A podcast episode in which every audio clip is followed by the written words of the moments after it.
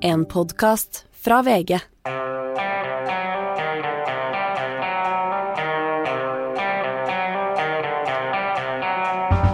Tusenvis av studenter står i kø for studentboliger, og samtidig blir studentenes økonomi stadig mer anstrengt. Er det blitt umulig å være heltidsstudent?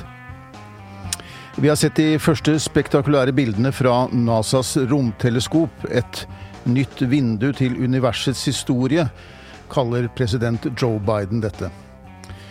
Og i Ukraina vekker et nytt russisk rakettangrep sterke internasjonale reaksjoner. Dette er Giæver og gjengen fredag 15. juli, og jeg heter Per Olav Ødegård. 15. juli er også en dag hvor den ortodokse kirke markerer minnedag for Vladimir den store, eller Vladimir den første. Han levde fra 956 til 1015. Det var for øvrig også i 1965 på denne dag at den amerikanske romsonden Mariner 4 passerte Mars. Litt romfartshistorie der. Med meg i studio i dag så har jeg en veldig fin gjeng. Det er Ingvild Vik fra Ungredaksjonen. Vilde Haug Slåttemo, som er sammen med meg på kommentaravdelingen og jobber med debatt i sommer. Og Ole Kristian Strøm, her også fra god kollega her i VG. Og aller først Ole Kristian, det har vært en begivenhetsrik uke her på Gjæver gjengen. Har vi snakket om SAS-streik, vi har snakket om fotball, internasjonale kriser, økonomi. Men jeg tenkte i dag vi bare skulle starte med å se litt på det russiske rakettangrepet mot Venezia. Midt på dagen i går, midt i byen. Åtte raketter. Minst 23 mennesker drept, blant disse tre barn.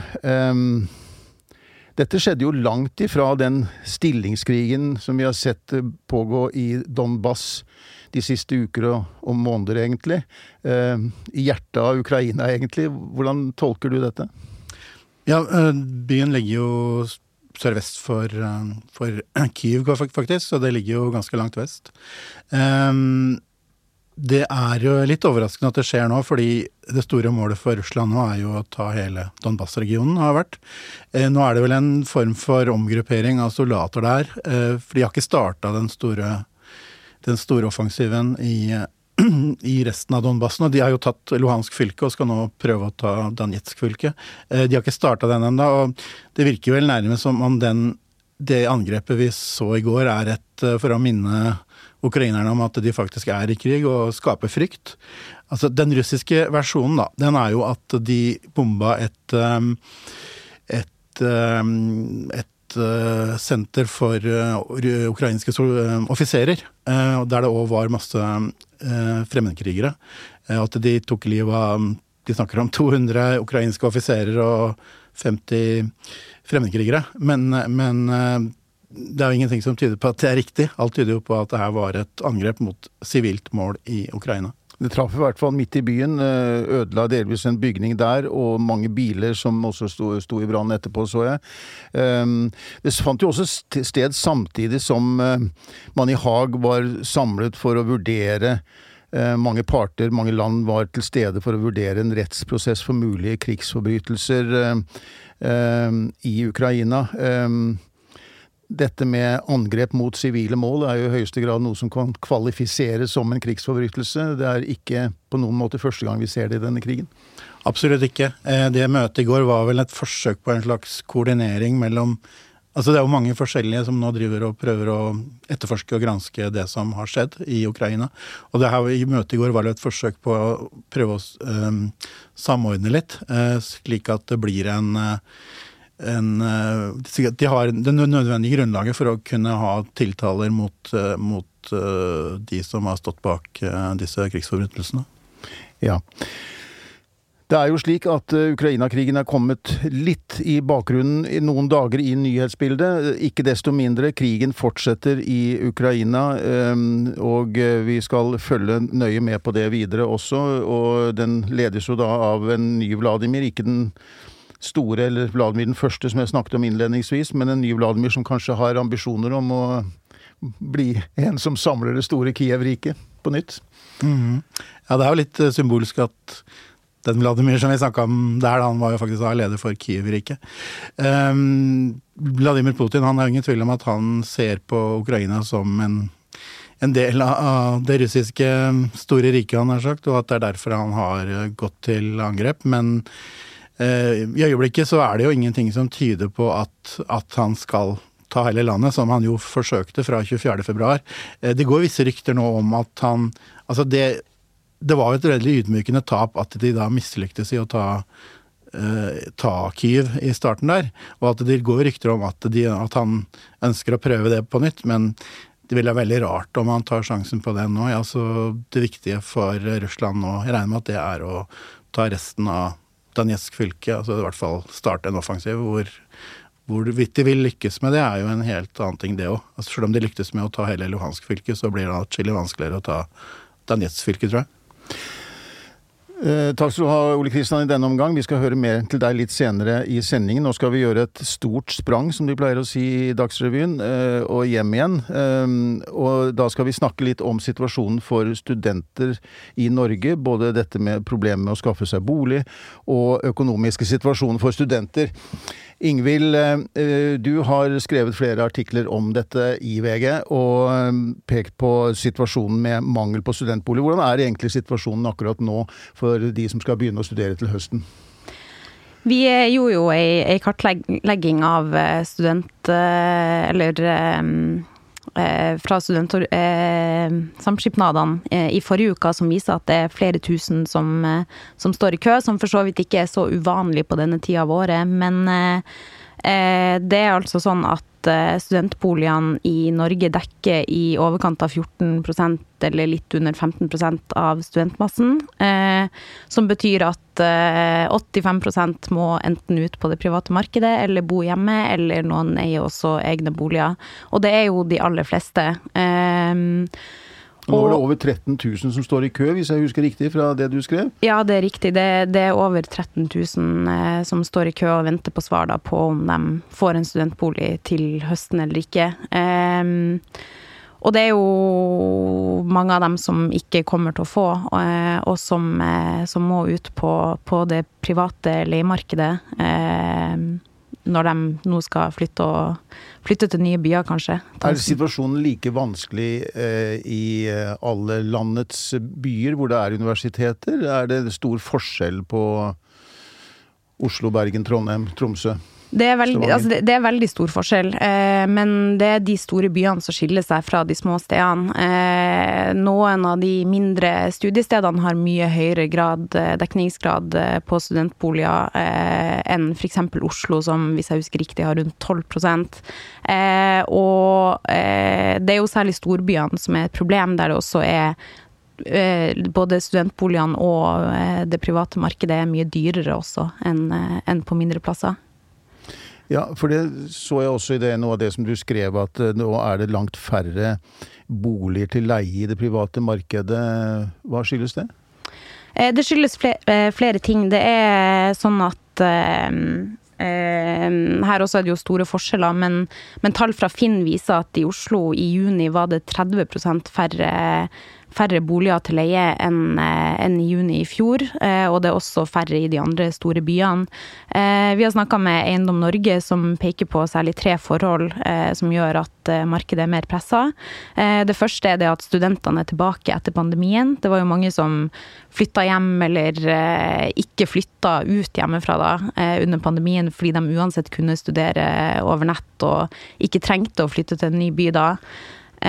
Og det andre er at Eh, at, det er blitt flere arbeidsinnvandrere eh, i Norge, som også er i grupper som, eh, som ofte er på leiemarkedet. Og så den siste grunnen som de peker på, er at rett og slett mange utleiere valgte å selge utleieboligene sine under pandemien fordi de ikke fikk det leid ut. Så, så markedet er mer pressa, prisene har gått opp, og det er vanskelig å få studentbolig. Så det, det er en utfordring for de som skal flytte. Det er jo en økonomisk lov. Når tilbudet blir eh, lite, så går prisene selvfølgelig opp. Mm. Og det er jo Jeg tenkte jeg skulle også bringe inn Vilde her, som, som, sitter ved siden av deg. Og, og altså Vilde, du har jo nettopp avsluttet dine studier etter å være student i, i mange år. og Hvordan ordnet du deg med studentbolig i løpet av disse årene? Jeg har jo møtt på litt av begge delene. Jeg har vært i Bergen i fem år, uh, og der møtte jeg også en leilighet som var altså, skikkelig dårlig kvalitet uh, og vanskelig Litt vanskelig å bo der. Men så har jeg også møtt på utleiere som er veldig grei, uh, og har mye bedre kvalitet. Så det er litt flaks og uflaks, tror jeg. Og det har også veldig mye å si om du får sett boligen på forhånd, og også hvor mange du vil bo med Eh, tror jeg. Ingvild, hva er dine erfaringer med Hvordan fikk du deg Du kommer fra Tromsø, og du skulle studere her i byen. Ja. Eh, Eh, det er jo noen år siden nå, men eh, jeg kommer jo som du sier fra Tromsø, så jeg hadde ikke mulighet til å gå på visninger sjøl. Men eh, jeg sendte han pappa på visning da han var på ferie i Oslo den sommeren. Så han ordna meg et rom i et veldig hyggelig kollektiv da jeg flytta hit for noen år siden. Så det løser seg jo bra, men veldig mange er jo nødt til å leie usett fordi de ikke har mulighet til å gå på visninger. Og da vet man jo ikke helt hva man får. Mm. Det er én ting å se det på bilder, men å faktisk være der, det kan jo være noe helt eh, annet.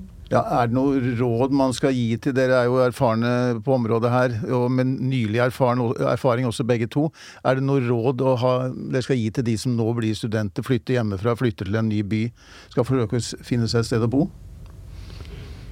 Eh, Vilde? Ja. Um, det er vel altså prøve å se boligen hvis det er mulig, eh, og være på Altså, se på detaljene. Er det mugg der? Altså, litt, vær litt så nøye når du er på visning. Ikke tenk at du bare skal være trivelig og snakke med, men også se hvordan er boligen, og hvordan kan det bli å bo her. Tenk litt på det. Og så er det jo liksom være å ha en ordentlig kontrakt og ikke skrive under på noe du eh, ikke på en måte eh, Børda, og der finnes det jo veldig mange råd der ute, bl.a. fra leieboerforeninga. Eh, og dette med En ting som, som, mange kanskje brenner seg på, er jo dette med sånn depositumskonto. Eh, og passe på at det er en ordentlig depositumskonto, og ikke, ikke at du bare betaler penger til den du leier hos, for da kan du risikere å ikke få dem tilbake igjen. Det er et veldig godt råd, tror jeg. Og det, for det depositum kan jo være ganske høyt òg i disse tider. Du må betale for kanskje tre måneder eller noe sånt eh, leie mm, på forhånd. Eh, vi skal gå over til å snakke litt mer bredere om dette med studentenes økonomi. Eh, og det er klart at det er nå blitt en kraftig prisstigning. Den merker vi alle sammen. Inflasjonen gjør seg gjeldende. Og det er jo noe som eh, også rammer, eh, rammer selvfølgelig studentene. Det er eh, Ingvild Vilde, du har skrevet Du skriver en artikkel om dette her om er det blitt umulig å være heltidsstudent i dag? Det er jo slik at stadig flere er nødt til å, å jobbe ved siden av studiene. Mm. Det er ikke noe nytt i og for seg det, men det er blitt enda mer nødvendig at man har en inntekt ved siden av. For for uh, det som er av lån og stipend, strekker til, rett og slett ikke til. Hvordan, kan du si litt om hvordan situasjonen egentlig er? Um, altså Nå går jo da studiestøtta, det basislånet, da, som er da eh, lån og stipend som du får hvis du er fulltidsstudent. Det er jo eh, opp 2% Også Samtidig så er jo prisveksten på et år har jo gått opp over 6 Eh, så du, det blir jo sjølsagt eh, vanskelig. Eh, og du ser jo at altså, så mye som 65% av studenter, så er det avgjørende at de må jobbe ved sida av for å, for å i det hele tatt kunne studere. Og det er jo Det virker jo som den altså normen at du skal kun være heltidsstudent og kun fokusere på studiene. Det er ikke lenger mulig for veldig mange, fordi at du må jobbe såpass mye ved siden av at du får ikke nødvendigvis tid til å være, um, være en heltidsstudent, ja. Nei, og da blir det i hvert fall noe Da blir du avhengig av hjelp fra andre steder, fra familie eller, eller slike ting. Så det kan jo være noe som kanskje forsterker litt eh, klasseskillet også i, i, i eh, høyere utdanning. At eh, det, at, det, at det, er for alle kanskje ikke er så reelt lenger, hvis man er avhengig av den type hjelp. Ja? Ja, absolutt. Jeg tror at her kan det bli altså, et klasseskille mellom dem som da har foreldre som kan støtte dem, eller er en annen økonomisk gunstig situasjon, og dem som eh, ikke har det. Fordi de vil jo Altså de som har da bedre råd, vil jo ha mer tid å bruke på eh, studiene, men også det frivillige og studielivet som vi ofte forbinder med det å være student. Altså frivillig arbeid og studentorganisasjoner Eh, så jeg tror det her kan bli en vanskelig situasjon i høst for mange studenter. Og så viser jo undersøkelser som studentorganisasjonene eh, har gjort, at stadig flere også faktisk må ta opp eh, forbrukslån og bruke kredittkort eh, for, for, å få det til å gå rundt. Eh, så det er jo også en utvikling som, eh, som, ikke kanskje er helt heldig for grupper som eh, kanskje ikke har så mye rom i budsjettene til å begynne kan, å betale ned på det igjen. Da kan vi i hvert fall være sikre på at renten også blir høy på det lånet. Den er mm. høy fra før, og den kommer til å bli enda, enda høyere. Men er det egentlig så galt da at studenter jobber ved siden av studiene? Er ikke det på mange måter berikende på mer enn akkurat økonomisk? Å ha en jobb ved siden av? Eh, jo, det tror jeg absolutt. Eh, altså, jeg har jobba mye sjøl òg. Har fått gode venner gjennom jobb. Og, og du kan få altså, kontakter innenfor fremtidig arbeids, arbeidsmarked. Eh, problemet oppstår, tror jeg, når du må jobbe såpass mye som mange studenter må for å få ting til å gå rundt. Eh, og at det ikke lenger blir et valg å jobbe, men det er noe som er forventa, og som du må gjøre. Mm -hmm. Det er jo, eh, dette er jo store saker, og det gjelder mange mennesker. Men det er jo eh, er det ikke så lett å se for seg hvordan, hvordan skal man løse dette. Hva er det studentorganisasjonene sier om dette, om hva, hva de ønsker og krever om dette her? Ingvild? Ja, altså Studentorganisasjonene mener jo også at det er bra at studenter jobber ved siden av studiene. Det er ikke sånn at, at de mener at eh, studiestøtta skal være så høy at ingen trenger å gjøre det. Eh, men, eh, men, det de ønsker, da, det er at man skal knytte studiestøtta til grunnbeløpet i folketrygda. Så de mener at det bør være på 1,5 ganger grunnbeløpet. I dag, eller neste studieår, så er den på eh, i underkant av 1,2. Eh, og det eh, dette har jo variert liksom hele tida hvor, hvor, høyt det har vært, men på sånn 80- og 90-tallet så var det nærmere 1,5 enn det er i dag, da. Eh, og hvis man gjør det, så mener de at da vil på en måte studentene sin økonomi også følge mye bedre utviklinga i samfunnet enn den gjør nå, eh, hvor det ikke er den måten den, den bestemmes på. Mm. Nå, nå, er det jo et av disse kravene har jeg sett også er at nå må myndighetene bygge, både kommuner og, og staten også bør bidra til at man bygger flere studentboliger. Men det er jo ikke noen enkel sak i noen av disse byene vi snakker om her, å finne både tomter og finansiere bygging av det. Jeg tror det støter på ganske store problemer å utvide det. Og det er heller ikke noe så veldig kortsiktig løsning, da. Nei, i Oslo så sier jo Studentsamskipnaden her at, eh, at, de sliter med å finne tomter de har råd til å kjøpe, eh, og også eh, for, for, at leieprisene skal ikke bli så høye at studentene rett og slett ikke har råd til det. Man ser jo at leieprisene er jo ofte altså 7000 kroner i måneden, og studentene får 8500 utbetalt. Så det er ikke mye penger igjen. Eh, og så mener jo bl.a. kommunen at kanskje, at studentsamskipnadene kanskje må se på tomter som ligger litt lenger ut av byen. Så det kan jo være noe å vurdere, selvfølgelig. Ja. Jeg så også i dag eh, en, eh, en, ting er når man skal skaffe seg studenthybel og man skal klare seg gjennom studentlivet, men eh, etter hvert så er det jo mange som har lyst til å skaffe seg egen bolig også nå.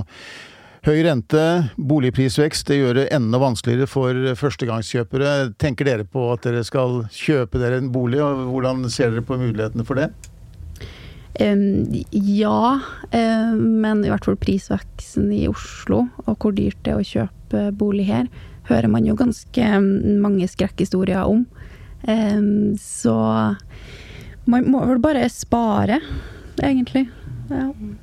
Ja, jeg, jeg, er så heldig at jeg eier bolig, men, men jeg har også måttet ha hjelp et par år eh, med foreldre som, som kunne så som pensjonister for at jeg skulle ha råd til det. Og det var, det var dyrt å betale på det lånet hver måned. Ja. Det, og det blir ikke noe villere i tiden fremover, men eh, vi håper at alle studentene får seg tak over hodet og kommer seg på plass eh, før studiene skal starte. Det kan vel bli noen midlertidige løsninger, eh, i hvert fall i de store byene. Vi har jo sett noen reportasjer om det at de kanskje må bo med, på noen madrass på gulvet noe sted, og at det er litt enkle forhold de første ukene. Men det, det, ordner seg vel for de fleste, gjør det ikke det? Ja, det gjør det, og studentsamskipnadene sier jo også det at bare fortsett å stå i den køa, så, så do, for, for, mange vil det dukke opp eh, en ledig hybel. Og, eh, og eh, førstegangs eh, førsteårsstudenter og de yngste prioriteres jo også der. Eh, Mm. Så det ordner seg for de fleste. Ja, det tror jeg. Da håper jeg de fleste har lyttet til disse gode rådene. Sørg for å se på den boligen du skal leie, skriv ordentlig kontrakt og ha alt på orden. Det er eh, gode råd å ta med seg. Takk skal dere ha for dette. Eh, Nå eh, skal vi høre litt på hva sjefen i NASA, Bill Nelson, sa tidligere denne uken. Every image is a new discovery, and each will give humanity a view of the universe that we've never seen before. Ja, Ole Kristian, da er du tilbake igjen. Og eh, NASAs nye romteleskop, som kalles James Webb, eh, har jo da tatt noen eh, bilder, historiske bilder blir de omtalt eh, som. Eh, de skarpeste bildene vi har sett av verdensrommet til nå. Eh, dette temaet er jo kanskje ikke aller best egnet for podkast, men jeg går ut fra at veldig mange av våre lyttere har sett noen av disse bildene. Eh, kan du beskrive litt hva vi, hva vi ser her? Jeg skal si det også, Ole Kristian, du har mange interesser, og en av, er, en av dine interesser er astronomi. Det har skrevet mye om det, og du har også skrevet en kommentar i VG i dag om, dette, om disse bildene. Hva er det vi ser eh, her? Eh, vi- ser jo altså der, der er James Webb er et nytt romteleskop, og ved hjelp av det teleskopet så kan vi mennesker eh, skue enda lenger ut i rommet enn vi noen gang har gjort før. Og vi, det betyr også at vi kan se enda lengre tilbake i tid enn vi har gjort tidligere. Og de bildene som kommer, det er jo da av galakser som er blitt til for milliarder av år siden. Eh, Det er utrolig skarphet, det er utrolig farger. Eh, Det er en helt ny generasjon i forhold til Hubble-teleskopet, som, som ble skutt opp i 1990, og som i høyeste grad har gjort uh, jobben sin. Uh, Men det her er det et, uh, definitivt et nytt skritt innen astronomien og astrofysikken. Det jo det har vært et lang, langt og veldig kostbart prosjekt, dette her. Det startet for lenge siden. Si litt om hva som er bakgrunnen for dette, dette store prosjektet. Ja, det er jo et samarbeid mellom NASA, den amerikanske romfartsorganisasjonen, og ESA, den europeiske romfartsorganisasjonen, og også den kanadiske. Eh, Det var jo snakk om at det skulle skytes opp i 2007, eh, så det er jo da 14 år For det var i desember 2021 det ble skutt opp. Eh, 14 år seinere. Kostnaden har jo blitt eh, Astronomiske, de òg. astronomisk. 20 ganger kanskje større enn det de regna med. Det var jo snakk om kanskje Det var vel snakk om eh, fem milliarder kroner ca. og nå er det da på De snakker om både 100 milliarder kroner og mer enn det òg. Så det er jo enorme summer som har gått med, men eh, nå er det i hvert fall i drift. Og jeg tror i hvert fall både Joe Biden og, hans, og visepresident Kamala Harris mener at det er vel anvendte penger. De, de snakket begge om dette som eh, historisk, et historisk gjennombrudd. Eh, du din- Tittelen på din artikkel i dag er 'Det grenser til et mirakel'. Det er, eh, det er virkelig noe historisk sus over dette, Ole? Det er det. Det er litt sånn Altså, 2022, det betyr at vi Det er 50 år siden sist et menneske var på månen. Um, og månelandinga er jo på en måte det som de aller fleste ser på som den største Kanskje den største bragden.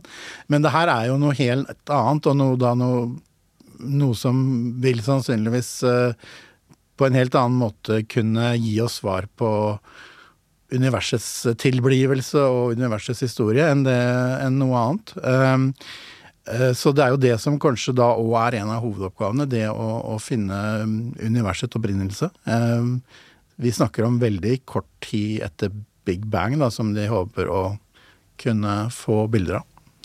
Ja, for nå beveger vi oss altså milliarder av lysår unna, når du kan se i det tele teleskopet. Ja, og det er ganske fascinerende. ikke sant? Lyset går jo fort, for å si det pent. Mm. og fra sola til eh, jorda så tar det jo ca. åtte minutter bare. Eh, vår, sola er jo vår stjerne. Eh, men her snakker vi altså om å bevege oss milliarder, opptil 13 milliarder år tilbake i tid. Altså Det er så sprøtt at, eh, som Biden sa, dette er ikke mulig for oss vanlige å i hele tatt forstå i det hele tatt. Så det er virkelig et noe som kan bety mye for, for forståelsen av, av det hvordan, det, det hvor vi, hvor hvordan vi alt ble- oss. Hvordan alt ble til. Ja. Ja. Og også øh, er det jo et annet spørsmål som alltid melder seg i sånne sammenhenger. Kan vi finne noe liv der ute? Det er jo det som er et av spørsmåla. Eh, De mener jo at de da kan lete etter såkalte eksoplaneter. Eksoplaneter er planeter som går i, i bane rundt sin egen rundt stjerna, på samme måte som vi i forhold til sola. Og det er stort sett den type planeter som det ville kunne tenkes å være liv på. Da. Eh, Og ehm, det finnes jo utallige av dem. Men spørsmålet er jo om de har grunnlag for liv. Og det viktigste grunnlaget for liv, sånn som vi kjenner det, er jo vann. At det i hvert fall er vann, og det, det kan det jo finnes. Eh, Så om det er noe intelligent liv, er vel eh, tvilsomt. Eh, Om det finnes annet liv, er jo noe helt annet. Om det finnes f.eks.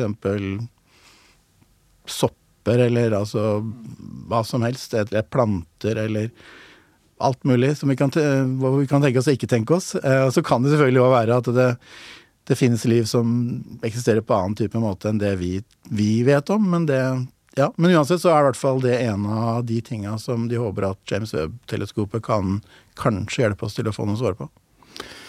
Ja, og med alle de problemene vi har her på jordkloden, så må vi vel allikevel si at vi bor i det aller beste solsystemet vi kjenner til, og på den beste av alle kloder. Eh, og eh, Så det får ta oss litt ned på jorden igjen eh, til slutt i dagens sending. Eh, jeg vil eh, takke Ingvild Vik og Vilde Haug Slåttemo, eh, Ole Kristian Strøm, som var med oss her i dag.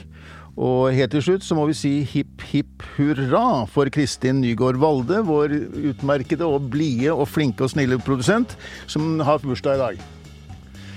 Så da takker jeg for meg, Per Olav Ødegaard, eh, denne uken. Eh, Men Gjever og gjengen er tilbake i eh, neste uke, da med ny programledelse. Men vi tar aldri ferie, og vi høres senere.